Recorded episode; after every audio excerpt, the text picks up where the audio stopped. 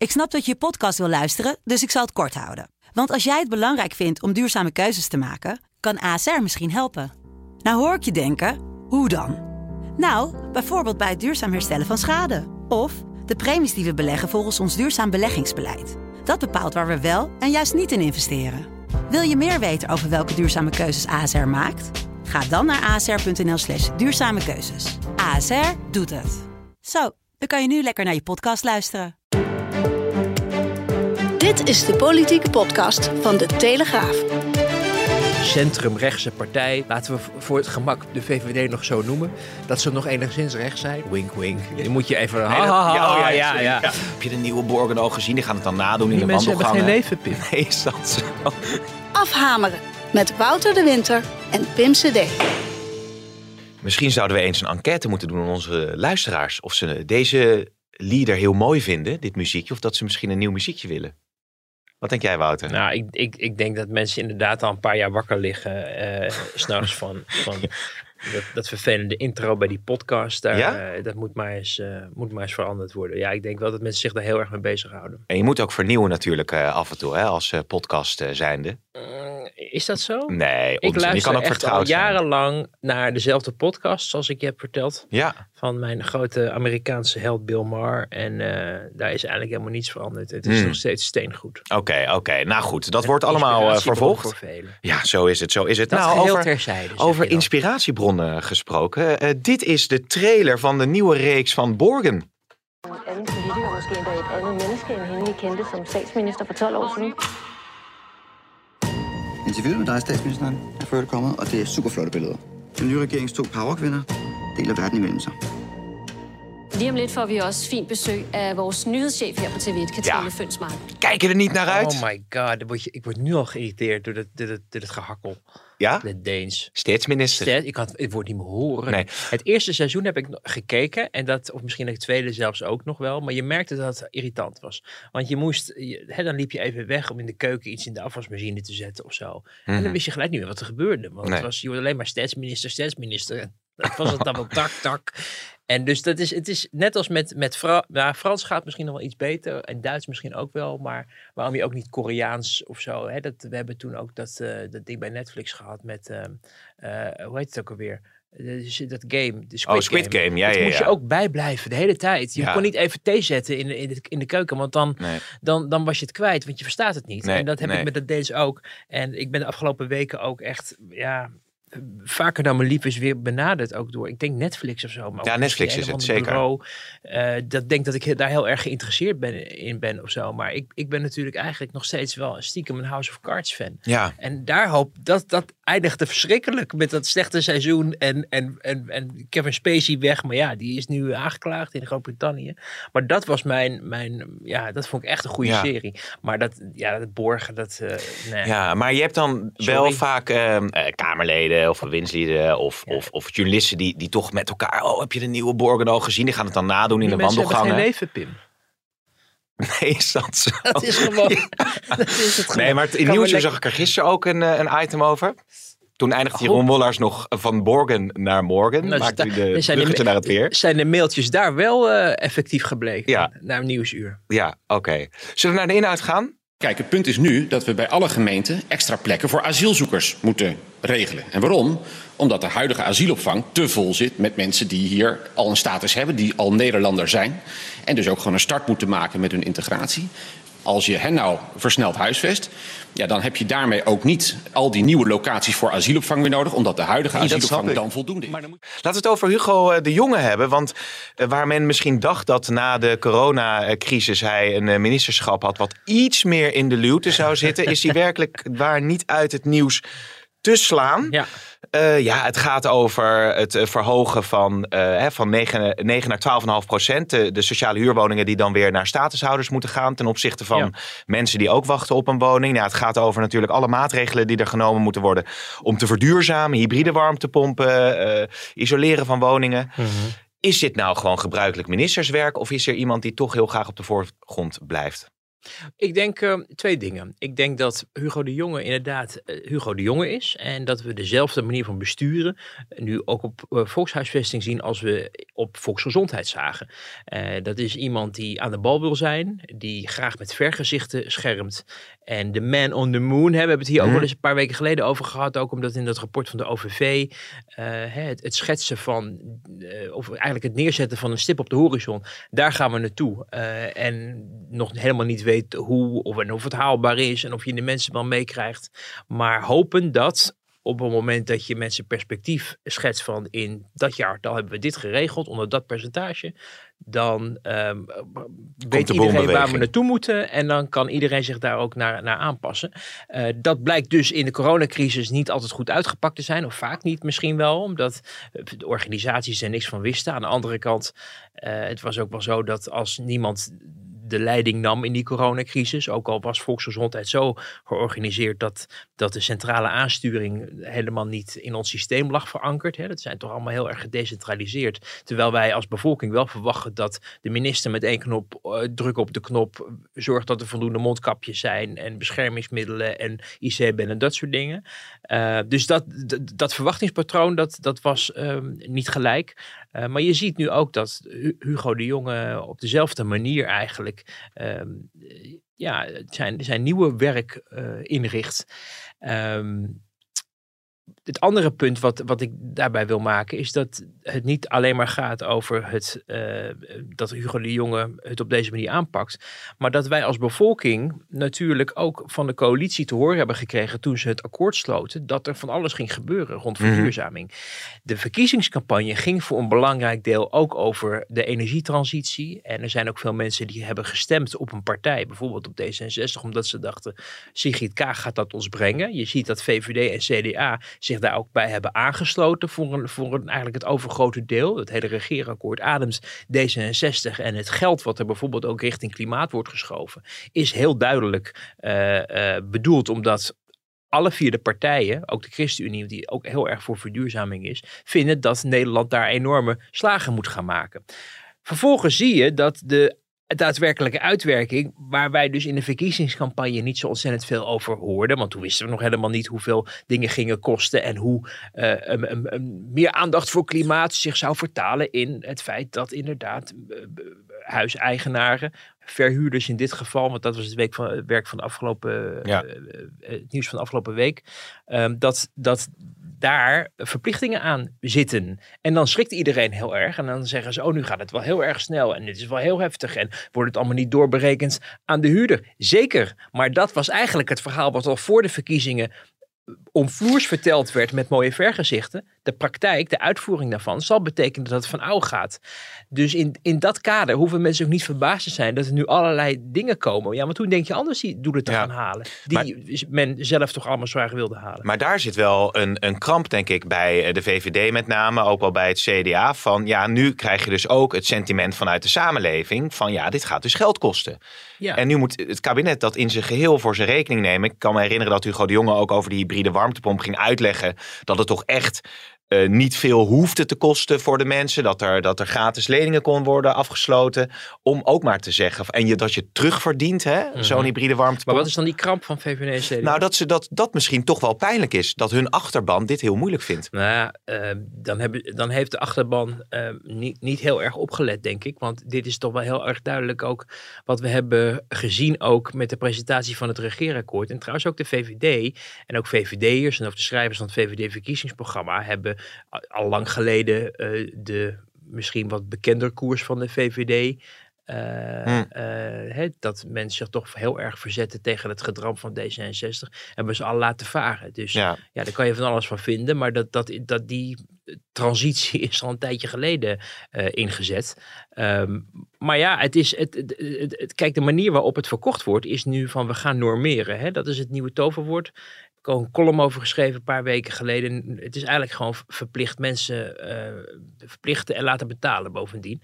Uh, en dat noem je dan normeren. Dat vind ik ook wel een typisch CDA-woord. Je ziet ook dat uh, Hugo de Jonge het ook te berde brengt nu. Hè. Normeren klinkt namelijk zo van ja, we stellen een nieuwe norm. En daar moet iedereen zich aan houden. En dat betekent dus dat je verplicht wordt om te verduurzamen. En inderdaad verplicht aan de warmtepomp moet op het moment dat je cv het niet meer doet. Ja. Ehm, en dat is, ja, dat is een, een, een beetje een, eh, echt zo'n communicatieadviseurswoord wat iemand heeft bedacht op zo'n ministerie. Van, van we noemen het normeren. Want wie is er nou tegen het stellen van norm? Normen en waarden. Hè? Ja. We vinden het belangrijk als de overheid Ja. zegt welke kans het op moet. We kunnen zelf immers niet nadenken. Maar goed, normeren is dus eigenlijk gewoon verplichten en betalen.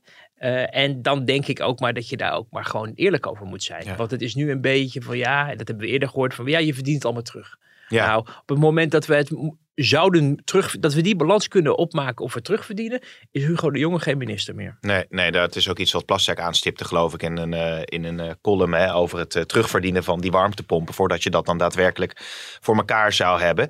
Maar is dit nou iets wat als een boemerang nog kan terugslaan bij bepaalde partijen, denk jij? Nou, ik denk dat in ieder geval niet op hele korte termijn, behalve dan dat de misschien mensen ervan schrikken of dat er negatief over bericht wordt. Alleen de exacte eh, gevolgen daarvan zullen pas na deze kabinetsperiode Hmm. merkbaar zijn op dit terrein. Op andere terreinen kan het al eerder gebeuren, hè? want je ziet natuurlijk ook dat er nu op stikstof eh, de boel in beweging Ja. aan het komen is. Eh, en, en daar zullen mensen al, en vooral boeren denk ik veel eerder al wat van merken. Maar als het gaat om eh, hè, mensen die, die een huis bezitten of verhuren, eh, of soms zelfs ehm, huren, eh, zullen te maken krijgen, al is het maar omdat ze misschien worden, de, lasten worden doorberekend aan die huurders, met deze energietransitie. Alleen dat zal nu vooral worden aangekondigd. En op het moment dat het echt pijn gaat doen, dan zijn we echt toch wel weer een paar jaren verder. Ja, wat denk ik meer pijn doet bij de achterban van de VVD, is dat percentage sociale huurwoningen dat naar statushouders eh, moet gaan. Dat gaat dus naar 12,5 procent. Ik zag deze week een filmpje voorbij komen van het Kamerlid van de VVD dat daar tegen was, daar, daarover gesproken trouwens. Ik vond het weer zo'n beetje zo'n knullig filmpje. Ik weet of je het voorbij zag komen. Nee, Nou, dat is ja, de- ik dacht, daar moet ik ook niet zo flauw voor doen, maar dan loopt het Kamerlid zo lopend door een woonwijk aan te kondigen dat Hmm. dit dus niet gaat gebeuren. Maar dan denk ik dus van, ja, wie, wie heeft er achter het maken van dit filmpje gezeten? Maar dat zien we natuurlijk vaker.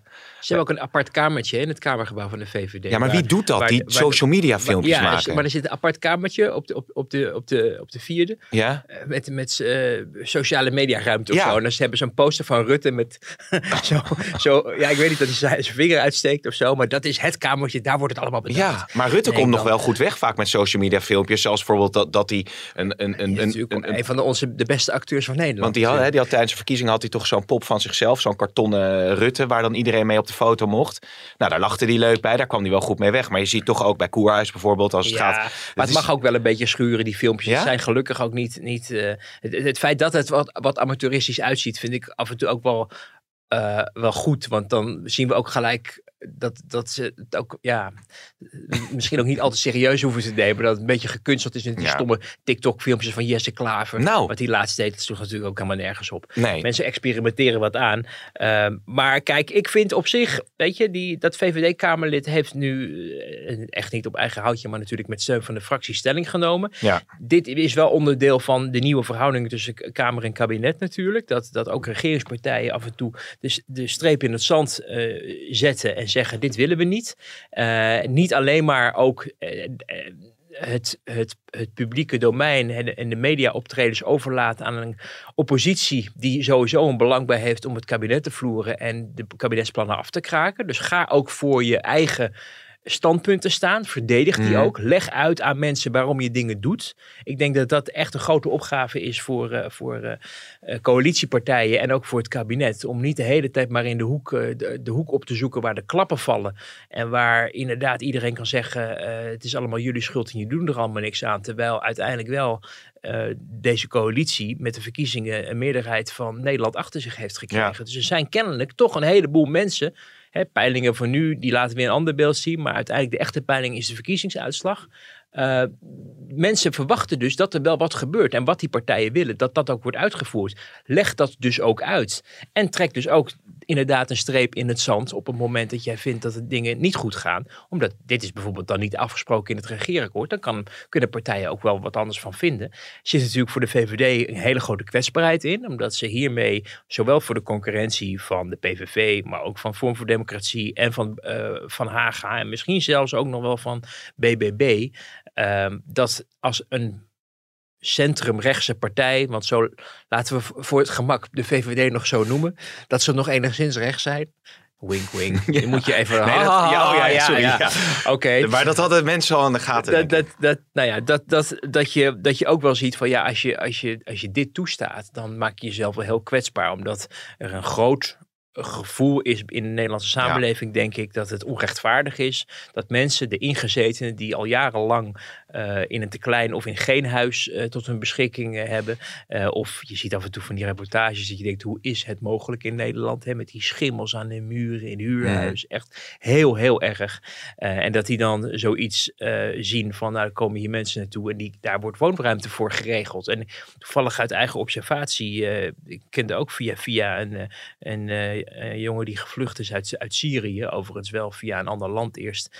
Maar die kreeg inderdaad een paar jaar geleden een huis aangeboden waarvan ik denk, nou, daar Oh ja? is nog beter alles nieuw en, eh, en eh, een mooie douche en mooie keuken. En dat je wel denkt van wauw, dat hebben we in Nederland goed geregeld. Hè? Mensen kunnen hier een nieuwe, nieuwe eh, start maken. Maar wat betekent dat en hoe verhoudt zich dat tot de mensen die hier wonen, die Nederlander zijn en die al heel lang wachten op goede Ja. woonruimte en Ja. worden uitgebuit. Eh, weet je, dat, dat, zijn, dat, zijn, e- dat is echt een grote kwetsbaarheid. En daar is bijvoorbeeld al tijdens eh, Rutte 2 een heel indringend gesprek over geweest tussen VVD en PvdA, die toen in de regering zaten. Op het Wassenaarse strand hadden ze zo'n teambuilding sessie. Dat was in die tijd van die grote vluchtelingenstromen.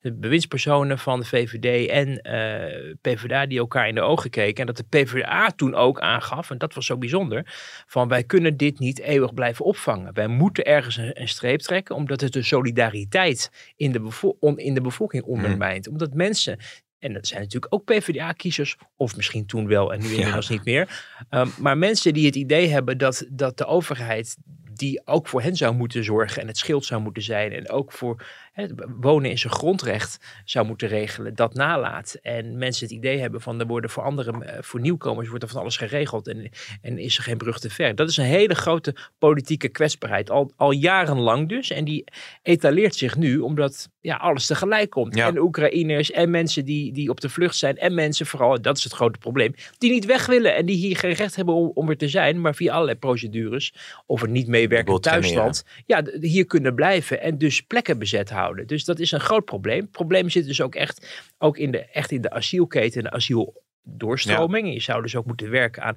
onorthodoxe plannen en niet bij voorbaat eh, zo'n Brits plan, eh, denk ik, eh, naar de, waarin, ik geloof in Ghana nu mensen Rwanda worden opgevangen. Of Rwanda was het, Ja. ja. Ehm, niet gelijk bij het oud vuil zetten, maar omdat eh, dit, dit, gaat, dit gaat niet alleen maar rechtse kiezers aan, dit gaat ook linkse kiezers aan. Want die mensen die zoeken die woonruimte vaak ook. Ja. Dus, dus dat, dat is, en dat de VVD daar dan van zegt van ja, dit, dit is niet goed als mensen, als gemeenten worden verplicht en om voorrang te verlenen aan. Het is wel zo dat er een wettelijke plicht is voor gemeenten om mee te werken. Eh, dus dat is een, het, zijn, het is eigenlijk een botsing van, van, van ja, toch goede bedoelingen. Namelijk dat je je eigen bevolking eh, niet wil natrekken. Ja, hoe moet ik dat zeggen? Ja. Dus dat, dat je Tekort dat wil doen? Ja, tekort wil doen en, en andere nieuwkomers wil bevoordelen ten opzichte van de eigen bevolking. Maar tegelijkertijd ook de morele, maar ook verdragsrechtelijke verplichting om mensen die opgevangen moeten worden onderdak te bieden. Ja. En, en dat maakt het heel kwetsbaar. En dan zegt VVD van, nou ja, je moet veel meer denken aan flexwoning of andere Ja. vormen van opvang. Eh, ik denk dat, dat je stel, toch steeds meer no, eh, ja, toe zal gaan naar dwang vanuit Den Haag. Eh, we hebben een tijdje geleden natuurlijk ook in de krant gehad hè, dat ze in Rijksgebouwen gewoon eh, mensen wilden gaan opvangen. Dat zijn er alleen niet zoveel, eh, die Rijksgebouwen. Maar dat gebeurt dan ook in gemeentes die dan niet willen meewerken. Maar als je met mensen in het lokale bestuur spreekt, dan hoor je juist dat het heel prettig is als Den Haag de marsorders uitdeelt. Omdat zij dan ook aan de gemeenteraad kunnen Hm, zeggen: Ik heb het niet zelf niet, gewild, Nee. maar het moest van Den Haag. Ja. En dan is de, de, de, de politieke kwetsbaarheid en de samenhang in zo'n gemeente natuurlijk ook enigszins ondervangen. Omdat Ja. het een, een order is van boven. En je het als burgemeester of als college niet zelf meer hoeft uit te Ja. leggen. Of als gemeenteraad. Dus eh, we zullen denk ik toch meer, en of het nou wenselijk is of niet, dat is natuurlijk in het tweede. Maar meer naar, naar toch dwang vanuit Den Haag toe gaan. Om, om mensen op te vangen. Normering. Nee, nee, nou, nee, dat is niet, een denk ik in dit geval niet, niet denk ik de juiste term. Maar, eh, maar die kant gaat het wel op. Ook omdat er vanuit de lokale eh, overheid natuurlijk ook op begrijpelijke wijze ook wordt, wordt tegen eh, gestribbeld af en toe.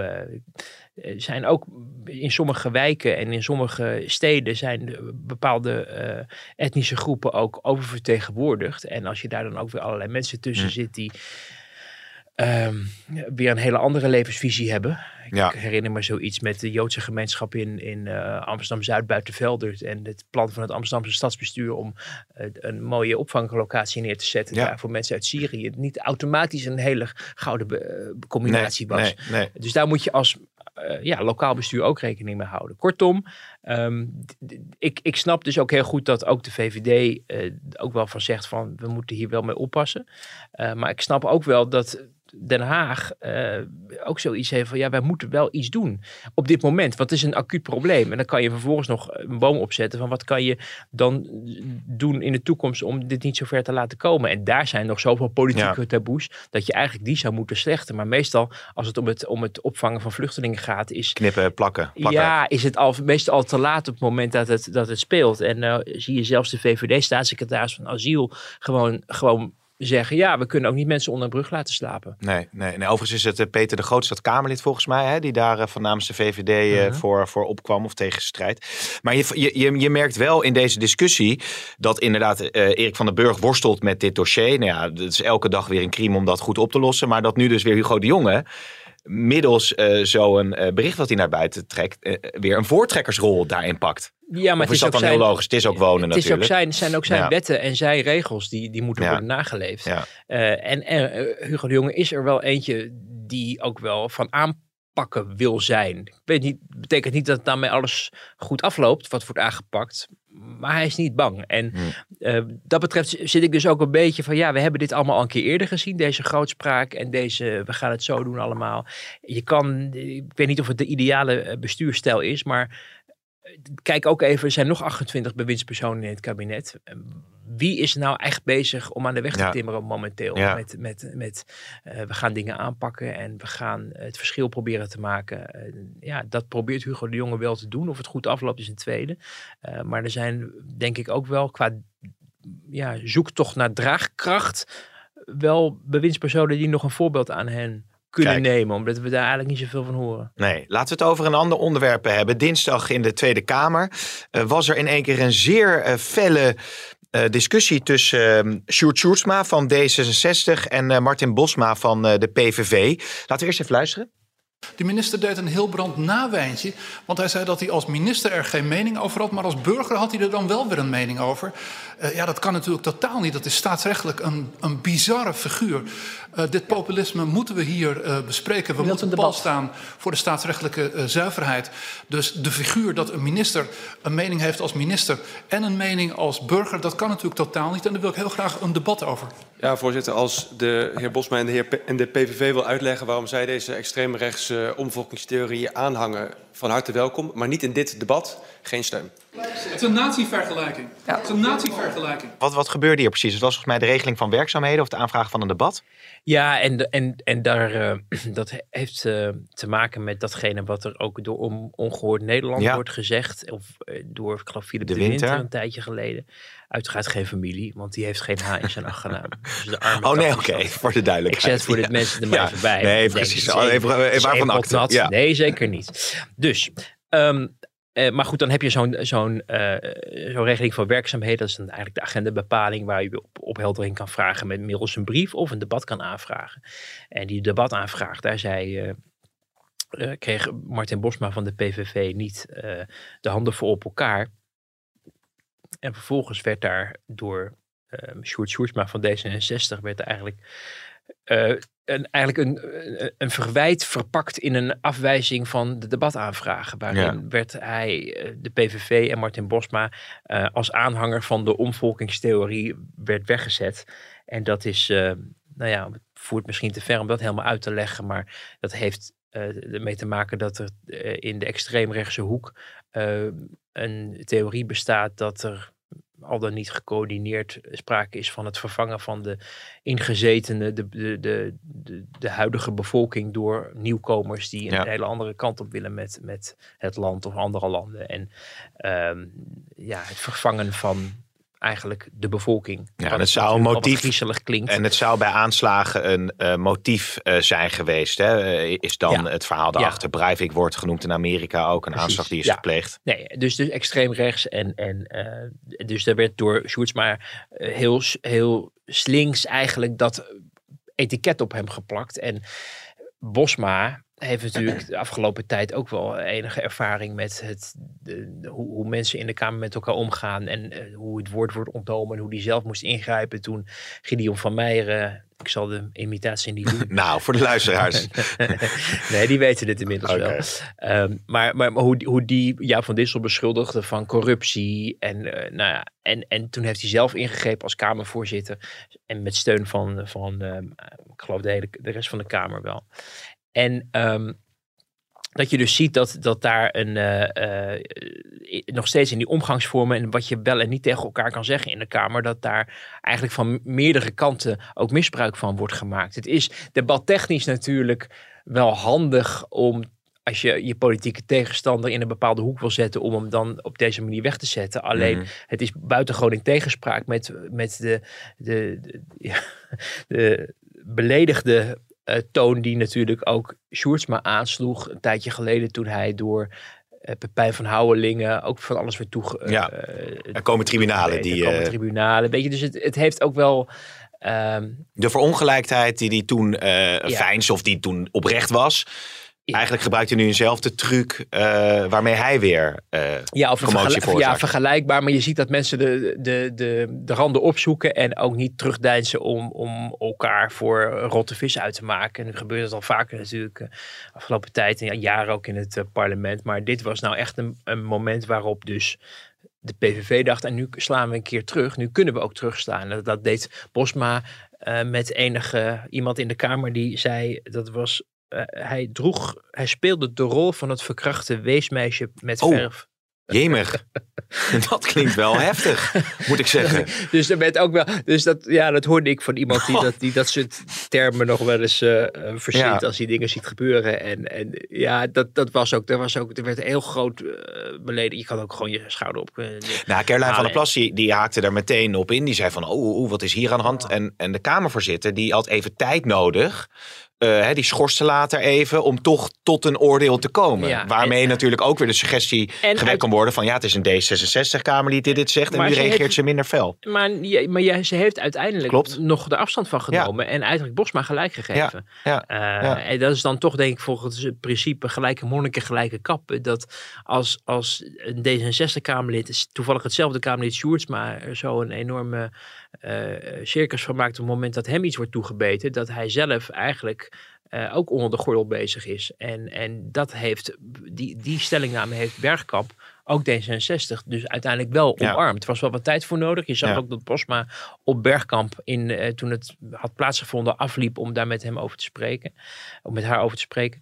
Ehm, dus nou ja, dat was wel. En dan vervolgens Sjoerdsma er nog eens double down overheen in het Nou, dat vond ik zo eh, opvallend, ja. Ik ga het gewoon. eh, Ik ga, Dat omvolken, hè, dat, Ja. dat dat wel degelijk iets is wat Bosma dan eerder eh, heeft gebezigd, Ja. dat woord. Ja, dus, dus nou ja, het, maar goed, dit, ik vond dat toch weer, eh, ik vond het weer geen goed, goed moment voor Den Haag. Ik vond het weer erg eh, met elkaar bezig zijn. U zegt dit en u mag dat niet zeggen. En, en eh, heb het nou toch eens in hemelsnaam over de problemen in Nederland, Ja. denk je dan bij jezelf. Dat bleek ook uit dat onderzoek natuurlijk van wat wij hadden gevraagd aan Kantar om uit te voeren vorige week. Over die 77% van Nederland die vindt dat Den Haag te veel bezig is met zichzelf en niet met het oplossen van problemen voor het land. En dit was ook weer zoiets. Het haalt overal. wij hebben het er ook over. En Ja. echt een dingetje aan het worden. Ehm, en dat is toch uiteindelijk niet waar we onze volksvertegenwoordiging Nee. aan moeten herkennen. Maar de- als je het hebt over dat omvolken, ik heb daar deze week in aanleiding ook van, van eh, wat er gebeurde dinsdag wat, wat over gelezen. Ehm, en je hebt die discussie rondom eh, ongehoord Nederland natuurlijk, die dan ook toch Ja. speelt in Ja. politiek. Dus dat zijn natuurlijk wel eh, inhoudelijke discussies Ja, wellicht. maar, maar weet je, dat, die hele kwestie met ongehoord Nederland, daar zit ook een enorm pak boter op het hoofd van alle mensen die daar nu ach en wee over klagen. Eh, het is natuurlijk lachwekkend, die uitzending. En We hebben die eerste toen gezien. Ineens was het op televisie. We hebben van die grote schermen op de redactie. Jij weet dat. Er staan een aantal zenders aan. En ineens zag je zo'n desk met die mensen. Met Kars- ON ja. en Karskens. En, en ik geloof... Krol Nou, heeft er ook eens aangeschoven. De eerste aflevering was volgens mij met Baudet, dacht ik. Maar ik hou me te goede. En eh, nou, je wist al ongeveer wel wat je, kon, wat je kon, verwachten. En dat werd ook geleverd. En daar worden mensen niet op de pijnbank eh, van de journalistiek gelegd. Maar mogen gewoon een beetje voor de vuist weggekletsen wat zij van de wereld vinden. Onder gelijkgestemden. Eh, ja, het is... Ik vind het, het is, niet mijn, het is niet mijn programma, het is niet mijn omroep, het is niet mijn, eh, eh, wat er gezegd wordt, dat, daar ben ik het zeker niet mee eens. Alleen, dit is wat je krijgt als je een bestel en als de publieke omroep organiseert, ruimte voor nieuwkomers laat en, en mensen de, en programmamakers de ruimte geeft om een eigen identiteit Ja, op te bouwen. Wat je natuurlijk ook op, hè, met, met andere identiteiten hebt. Hè. Dat is natuurlijk het argument van Ongehoord Nederland. Je hebt ook Omroep Zwart. Of je hebt natuurlijk ook weer, zullen zij zeggen, weer linkse omroepen. Hè. Het is een D66-kliek, Het zeggen is- ze dan. Nou ja, het is een, een, een heel duur betaalde speeltuin, de publieke omroep natuurlijk. Er gaan honderden miljoenen euro's belastinggeld in. eh, waar men dus eigenlijk maar een beetje experimenteert. En nu ineens ziet dat dit experiment niet naar wens uitpakt in politiek Den Haag. Dus dan staat men vooraan om daar schande van te spreken. En te zeggen en kamervragen te stellen aan Oesloe van dat is toch een schande. En eh, moet ingrijpen en zo. Terwijl eh, Den Haag en zeker de staatssecretaris niet gaat over de inhoud van programma's. Dat is een verantwoordelijkheid van de omroepen Maar zelf. als het bepaalde grenzen zou Als er strafbare feiten worden gepleegd, dan is justitie aan zet. Maar het is niet aan de staat. Dan moet je ook echt verre van blijven. Dat het kabinet gaat bepalen wat er wel en niet mag worden gezegd in een televisieprogramma bij de publieke omroep. Dat is gewoon niet goed. En dat, het, kan, het, is, het is verschrikkelijk. En je kan als, als, als, als wetgever, dus als Tweede Kamer, eh, medewetgever en, en het kabinet, eh, natuurlijk wel een, een regels eh, maken wat wel en niet mag. Maar dat doe je dan ook vooraf. En dat wordt ook be- bewaakt door het commissariaat voor de media. En eh, nou ja, justitie kijkt mee als er dingen gebeuren die niet kunnen. Alleen ehm, nu is het dat het Sjoerdsma is niet aanstond dat Philip de Winter, een politicus notabene, daar vrij spel kreeg om eh, te vertellen wat er allemaal over die opvolgingstheorie, Mhm. wat hij er allemaal van vond. Eh, het verwijt was dan van Sjoerdsma dat hem geen journalistiek tegenwicht werd geboden. Ja, wat moet de staatssecretaris nou doen? De, de omroepdirecteur opbellen en zeggen: Ik wil dat je journalisten beter hun werk doen. Ik kijk ook wel eens naar een ander pro- programma van de publieke omroepen. Dat ik mij afvraag: waarom, wordt daar, eh, waarom worden er geen daar scherpe vragen gesteld? En waarom wordt de ene politicus eh, aan een kritisch vragenvuur onderworpen. en de andere politicus heel hartelijk dank, meneer Klaver, dat u hier wilde komen? Het is gewoon, ja. En dan denk je bij jezelf: hmm, vreemd. Maar do- zo werkt de publieke omroep, zo werkt de journalistiek. Dat is dus toch een verantwoordelijkheid van, van die omroep, van, van een eindredactie, van de presentatoren. Eh, en je gaat een gevaarlijk pad op als je als politiek gaat bepalen hoe bepaalde mensen moeten worden geïnterviewd en wat ze wel of niet mogen Ja. zeggen. Maar mag je als Kamer daar wel een punt van maken als jij eh, eh, denkt dat er juridische grenzen zijn overschreden? Kan je dan de minister of staatssecretaris van Justitie aan ja, een debat daarmee aanvragen om, om, om, om dat uit te zoeken? Of zou je dat dan ook ongewenst vinden? Ik heb al, ik heb al honderd keer in de afgelopen jaren ophef gehoord over wat er allemaal bij de publieke omroepen gebeurde. Van de Ja. lingo-balletjes tot, tot, eh, tot wat het journaal aan het doen was. Of, eh, weet je, het, is, het, is, het is meestal voor de bühne, want er wordt uiting gegeven aan verontwaardiging. Eh, ik hoor die snikkende Atsma nog in Balken en de Twee bij de van achter het katheder zeggen dat het toch een schande was. Want Lingo was toch zo'n populair En programma nu zit bij miljarden. Werner. Nu zit Lucille Werner in de Tweede Kamer. Ja, en, en weet je, dat is van alle tijden. Natuurlijk gaat, zijn dit, zijn, zijn- is er sprake van polarisatie en nepnieuws en dat soort zaken. En kan je je afvragen van ja, eh, in hoeverre vinden wij dat oké ehm, als samenleving? Maar dan moet je dus kijken van hoe hebben we die publieke Ja. omroep dan ingericht? Ja. Moeten we misschien een, een, een instituut optuigen of een soort commissie? Hè? Ik geloof dat ze in Groot-Brittannië zoiets hebben. Ook niet onomstreden overigens. Die gaat kijken van ja, dit hoort wel en niet bij de standaarden. Maar dat wordt dan al heel snel een soort gedachtepolitie Ja. natuurlijk. Die dan gaat bepalen wat wel en niet eh, mag. Even een uitstapje naar het verleden. Ehm, ik herinner mij nog eerst met Bolkestein, die dingen zei over eh, eh, de multiculturele samenleving. Later Fortuyn, die daar kritische noten over kraakte, waar mensen toen ook schande van spraken. En over Anne Frank begonnen en, Mm. en het einde der tijden eh, benoemde. Als, als dat soort mensen destijds met die gezel waren gestraft en het woord was ontnomen of dingen niet mochten zeggen. Eh, Dan hadden we dat nu schandelijk gevonden. Gelukkig Ja. is dat toen niet gebeurd. En ik wil ook zeker niet omvolkingstheorieën vergelijken met wat Bolkestein destijds heeft gedaan. Maar het geeft aan dat het gevaarlijk is dat als de politiek zich gaat bemoeien met Mm. wat er wel en niet op televisie mag worden gezegd. Of in een krant of wat dan ook. Omdat dat volgens de huidige normen en waarden of goede smaak eh, detoneert. Dan eh, geldt dat in dit geval voor omvolks, maar het kan ook voor andere dingen gaan gelden. Hè, want Ja. dan is het toch iets van, ja, dat willen we eigenlijk niet horen. Hoe durf jij een, een, een, eh, een, eh, een vrouw eh, die zwanger is, een vrouw te noemen, in plaats van een mens dat zwanger is? Want Hmm. we hebben toch met elkaar vastgesteld dat iedereen nu ongeveer zwanger wordt. Weet je, dat soort, dat soort dingen liggen dan ook in het verschiet. Dus ik zou zeggen, eh, bezint eer men begint met Ja. het bepalen van wat allemaal wel en niet mag. Eh, en ga toch veel meer kijken naar, oké, we hebben die publieke omroep eh, op dit moment zo ingedeeld dat mensen vrijheid krijgen om dingen te doen. Willen we dat of willen we dat voor de toekomst op een andere manier inrichten? Daar kan je het over Ja. hebben als, als Tweede Kamer, Ja. want dat is de medewetgevers. En dan kom je wel weer op een inhoudelijk debat over hoe je de media zou, eh, of de publieke omroep zou willen vormgeven. Maar ja, dat, daar lijkt maar geen schot in te komen om dat daadwerkelijk anders te gaan organiseren. Zullen we nog even Gijs van Dijk bespreken? Overigens, Oh, ja? overigens, ook door de partijen die nu om het hart schreeuwen. Hè? Die willen dit in stand houden. D66 is Ja. natuurlijk al jarenlang de grootste bondgenoot van de publieke omroep. Hmm. En het overeind houden van de status quo en het, en het terugschuiven van geld dat Rutte 1 daaruit heeft weggesneden.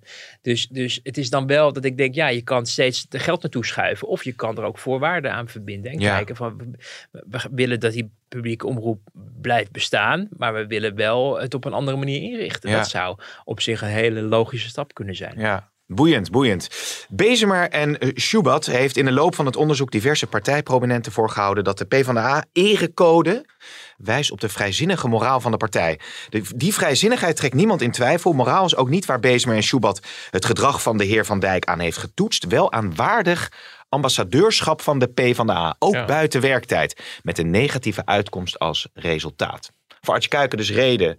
Vertel even waar het over gaat, want mensen hebben echt geen idee wat Ja, je ik dacht, ik maak een mooi bruggetje. Ja, maar Adje Kuiken, Bezemer. Ah, dat is, dat is, Ik dat, zie dat, ons, on- on- onze zit- technische man ook verwonderd. Ja, die is weg. De- Nou ja, oké, Nou, het, gaat natuurlijk uit, het gaat natuurlijk uiteindelijk om Gijs van Dijk. eh, die eh, volgens de eh, partijleiding van de PvdA, in ieder geval fractievoorzitter Kuiken, grensoverschrijdend gedrag heeft, wel heeft vertoond. En niet meer welkom is bij de partij. Ja. Maar de manier waarop dat is onderbouwd, dat is voor Gijs van Dijk in ieder geval reden om het aan te vechten. Ja. Hoe sta jij erin, Wouter? Wat een goede inleiding hè, van dit onderwerp. ja, Hoe sta jij erin? eventjes eh, de telegraaf eh, wapperend voor mijn gezicht houden. Oké. Ehm, ja, hoe sta jij erin? Nou, eh, kijk, het lastige van deze, dit soort kwesties, wij waren er niet bij. We hebben dat ook al eerder besproken hier met, met al de MeToo-kwesties. Wij, wij kunnen niet eh, eh, beoordelen vanuit de buitenkant wat er is gebeurd, wat zich heeft voorgevallen. Er worden dingen beweerd. Verschillende belanghebbenden zeggen er ook wat over. Ehm, sommige mensen ehm, ehm, nou ja, zijn daar ook mee naar buiten getreden zelf. Hebben zelf ook verteld wat er volgens hen gebeurd is. Eh, alleen wij kunnen nooit, omdat het meestal gaat in persoonlijk contact tussen twee mensen, vaststellen eh, of het inderdaad zo heeft plaatsgevonden. En er is uiteraard een groot belang om slachtoffers eh, van zoiets eh, serieus te nemen. Tegelijkertijd is er ook een werkelijkheid dat er een situatie kan zijn dat mensen iets kunnen beweren wat niet waar is. Om een rekening te vereffenen met iemand bijvoorbeeld. En, en zie daar maar eens een goede modus in te Mm. vinden. Nou, de Tweede, de, de Tweede Kamerfractie van de PvdA heeft dus gemeend dat Gijs van Dijk eh, ook niet meer terug kan keren. Omdat ze een onderzoek hebben laten doen eh, door dat bureau wat jij net noemde met die ingewikkelde naam. en en eh, die hebben dus eh, geoordeeld dat het gedrag niet past bij Ja. het ambassadeurschap van de PvdA. Precies, ja. En toen wij dat gisteren op de redactie lazen, toen dachten we wel bij onszelf van, maar dat wordt wel een hele ingewikkelde. Want dan is eigenlijk, ehm, en dat is ook waar dat bureau zich op baseerde. Die hebben eh, de reglementen van de PvdA erbij gepakt, waarin richtlijnen staan van realiseer je dat je ook in je privéleven een ambassadeur bent van de PvdA. En dat mensen je erop, mensen zelf het onderscheid misschien moeilijker kunnen maken dan jij wanneer jij privé iets doet of wanneer je voor je werk iets doet. Uh, dus daar moet je je dan als PvdA of als PvdA-volksvertegenwoordiger in dit geval rekenschap van geven. En ook rekening mee houden in je contact met mensen. Uh, maar in datgene wat openbaar is geworden, zien wij niet wat er precies zou zijn voorgevallen. Wat de verschillende partijen daarover zeggen. Ze hebben daar zelf natuurlijk, vooral de mensen die hebben geklaagd, soms zelf daar het een en ander over gezegd. We hebben ja. daar in de mediapublicaties het een en ander over gelezen. Uh, maar wij waren er niet bij. We kunnen niet controleren of dat zo was. Uh, maar de commissie, eh, of dat, bedrijf, heeft vastgesteld dat er voldoende aanknopingspunten zijn om te veronderstellen dat datgene wat hij heeft gedaan, ook omdat ze wederhoor hebben geboden ook aan hem, uh, niet uh, ja, dusdanig ernstig is dat het niet zozeer gaat om of hij dingen heeft gedaan die bijvoorbeeld in seksuele intimidatie of, of seksueel overschrijdend gedrag is, maar liegen, hij had een dubbele relatie. Ja, of misschien... Belogen en bedrogen, ja. pijn en verdriet gedaan. Precies. Een van hen is ernstige, beroepsmatige gewetensnood gebracht. En de politieke ambities van een ander zijn gefrustreerd. Ja, ja nou ja, het frustreren van politieke ambities, uh, liegen en bedriegen.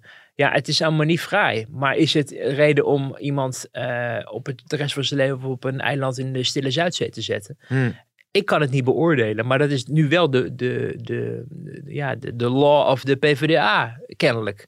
En dat maakt mensen bij de PvdA, maar ik denk ook bij andere partijen ook wel uh, enigszins beducht. Want uh, als verkeerd gedrag in je leven, in je persoonlijk leven, in je privéleven, uh, wordt gekoppeld permanent aan het feit dat je een affiliatie hebt, in dit geval met de PvdA, maar het zou ook andere partijen kunnen gaan gelden. Uh, dan is de vraag of je dan niet voor al je misstanden vervolgens altijd uh, uh, ja, de, de, de, de klos kan worden.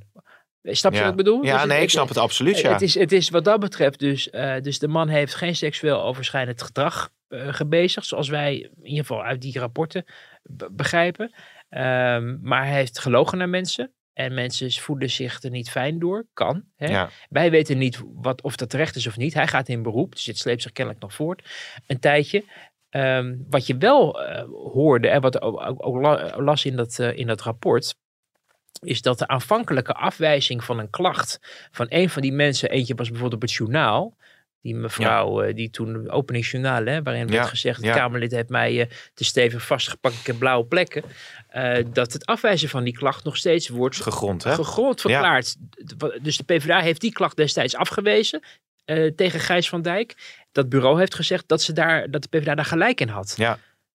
Dat Ja. is natuurlijk wel een heel, wel een heel belangrijk signaal. Ja. Dit gaat dan weer over andere meldingen, hè? Dat, Ja, dat, waar dit op gebaseerd is. Daarom, maar dan zie je dus dat je kan niet alles over één kam scheren. Maar het is ook heel gevaarlijk om conclusies te verbinden. Op het moment dat iemand zijn vinger opsteekt en zegt: Dit is er gebeurd. Eh, zeker omdat de partij daar kennelijk zelf ook eh, enige ervaring mee ja, heeft. ja. Kortom, het is, het, is, eh, het is een wespennest. Dit soort si- situaties sowieso. En ehm, eh, ja, Van Dijks terugkeer bij de PvdA is dus uitgesloten. Maar zou die dan ook weer een eh, afsplitser kunnen worden? Nee, nee? Nou, in Dat theorie, zou in theorie in theorie kunnen, toch? Als Ja. er weer een PvdA weggaat, er is nu net een vervanger voor Lilianne Ploemen benoemd. Want die post mocht hij claimen. Eh, en dat is nu eh, eh, Mohammed Oh, Mohandes eh, geworden. Die is eh, gisteren beëdigd. En eh, ehm, die is nu voorlopig het eh, negende Kamerlid. Maar het kan heel goed zijn dat als er een nieuw, eh, als er weer een PvdA weggaat, bijvoorbeeld om ergens wethouder te worden, of omdat zij of hij er geen zin meer Ja, in heeft, precies, of omdat ja. het leiderschap toch niet ge- ge- achteraf geschikt bleek. Niks tegen Kuik hoor, maar dat was het argument van Lilianne Ploemen natuurlijk om ineens weg te gaan. Eh, dat, dat die situatie op tafel ligt. Maar Gijs van Dijk heeft wel al aangegeven dat hij niet van plan was om Ja. eh, voor zichzelf in de Kamer te komen. Eh, dingen kunnen ook weer veranderen in de loop der tijd. Dus uitsluiten kan je, kan je het niet. Maar elke keer als er een PvdA weggaat, zal men Ja. eerst de Lilianne Ploemen vla- vragen. Want die stond eh, hoger op de lijst dan Van Dijk. En als dan Lilian Ploemen nee zegt, dan komt Van Dijk weer aan de beurt. En dan kan hij Ja. eh, alsnog, als hij wil, de Kamer inkomen, maar niet meer bij de PvdA. Nee, nee, nee. Het is eh, in ieder geval een hele lastige situatie ook eh, voor de PvdA om dit nu weer... Ja, dat is toch, zorgt toch weer voor negatief sentiment rond de partij. Nou, Wouter. Ik denk wel dat ze blij zijn dat dat rapport er ligt. En dat er niet een, een conclusie uit het rapport kwam van Ploemen heeft hem Nee. ten onrechte uit de, uit de fractie Ja. geflikkerd. Ja. Hoewel gevraagd of zo, maar dat was vrij. Het was, het was maar één mogelijkheid. Ja, maar ik kan me herinneren dat Ploemen ook de pers te woord stond, stond toen dit allemaal speelde. En ook wel heel eh secuur haar woorden koos. Ja. En ook over die oude zaak eh, niet zozeer s- dingen zei. Ja. Hè, wat toen in het NOS-journaal zat. Maar ook echt op die nieuwe meldingen ingaat. Die vrouwen waren geloof ik Ja. naar haar toegegaan. Wat aanleiding was om... Nou ja, daar blijkt dan uiteindelijk dat dus het ambassadeurschap van de P van de A... Wat is het ook alweer? Ja, nee, maar, dat, dat, maar dat, is, dat was wel een opluchting voor, voor de PvdA natuurlijk. Want op het moment dat, dat Van Dijk, eh, dat er eigenlijk geen grond was geweest om hem te vragen te vertrekken. Ja, hoe, hoe maak je dat nog goed? Want dan heb je iemand echt zo beschadigd. Eh, dat is hij natuurlijk nu, nu sowieso wel. En Ja. ja, Ja. ja, hoe ga je Ja. dat dan ook weer oplossen? En hoe ga je aan eerherstel werken en dat soort zaken? Ja. Eh, dus dat, dat is, daar is men wel denk ik opgelucht. of je je altijd houdt aan een waardig ambassadeurschap van je werkgever, of noem het maar, dat is natuurlijk ook wel een hele lastige. Nou ja, de vraag is, wat, wat, wat houdt dat dan Ja. precies in? En, en in hoeverre is het mogelijk om eh, daar een goede beoordeling van te geven? Want mensen kunnen van alles beweren, hè? Ja, ja. nou met die eh waarschuwende woorden gaan, Nou, gaan we Ik deze weet niet of dat nou een heel erg eh, positief einde is. Misschien nog wel even benadrukken dat, dat volgende week eh, natuurlijk de belangrijke beslissing wordt genomen om een één lijst te vormen tussen GroenLinks en PvdA. Ja. Dus dat, dit, dit, dit veldje is wat dat betreft een week voor het congres mooi. Nu, Hebben ze al wat inhoudelijk inhoudelijke standpunten bedacht, Wouter, naar Nou ja, aanleiding van je dat- analyses? Nou, je ziet. Nou, overigens opvallend. Ja, ik wil niet hier voor eigen. zelf even mezelf in het zonnetje zetten. Maar. Mag. In een, in een deel van, van, van de PvdA werd de column van deze week zeer gewaardeerd. Oké. En, en niet door de minste, kan ik je verklappen. Dus je, je merkt dat die partij inderdaad wel al voor gewaarschuwd wordt. Vandaag ook weer in een paar ingezonden brieven in het clubblad De Volkskrant. Want het, het debat wordt in de Volkskrant gevoerd door, Ja. door, door de tegenstanders en voorstanders. En zo kennen we, zo kennen we eh, lekker met elkaar eh, via de krant eh, de strijd aangaan. Hartstikke leuk. Dus vandaag stond er weer, stond er weer een ingezonden brief in. Maar je, je merkt dat het, dat het heel zwaar op de maag ligt. Ik sprak eh, toevallig deze week een, eh, iemand die eh, een oud bewindspersoon is bij de PvdA. En die zei ook van... ehm, eh, en dat, dat, dat was iemand die eigenlijk, waar we eigenlijk nooit meer wat van horen. Daarom kan ik niet Mm, zeggen wie het is, maar het is mm. iemand waar we nooit wat van horen. En die, die zei ook van ja, ik zie wel heel veel overlapping tussen, tussen PvdA en GroenLinks als het gaat om politieke koers. Maar de culturen van de partijen zijn zo verschillend. En diegene die had echt er een hard hoofd in dat je dat op een soepele en snelle manier bij elkaar kon brengen. Ja. Eh, ook, al, ook al werd er echt wel herkend van dit is los van elkaar bestaan, lukt misschien niet meer in een versplinterd landschap. Maar die zag dus nog een hele lange en moeilijke weg voor zich. En dat zie je nu ook alweer als je weer, nu zijn ook wat GroenLinksers. eh, die daar dan weer twijfelden. De jonge GroenLinksers zien het niet zitten en de oude PvdA zien het niet zitten. Ja. Een hele wonderlijke combinatie. ja. En, en ehm, dat wordt dus nog heel ingewikkeld. Nou, volgende week, maar misschien hebben we het er volgende week nog over, want dan is er weer een nieuwe podcast. Zo is het. En dit is wel een eh, mooi einde van, eh, van deze afhameren. Tot de volgende keer.